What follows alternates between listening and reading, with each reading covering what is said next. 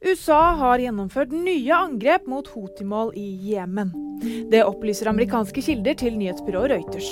Angrepet skjedde tirsdag og var rettet mot Houthi-gruppens missiler, som er designet for å ødelegge eller skade skip.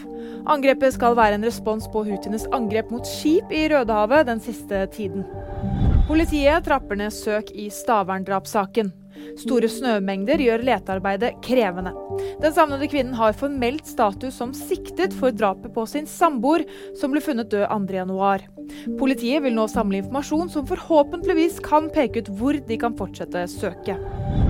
Nå kommer snøen til Østlandet. Meteorologen forteller at det er ventet 25-35 cm snø i løpet av 24 timer.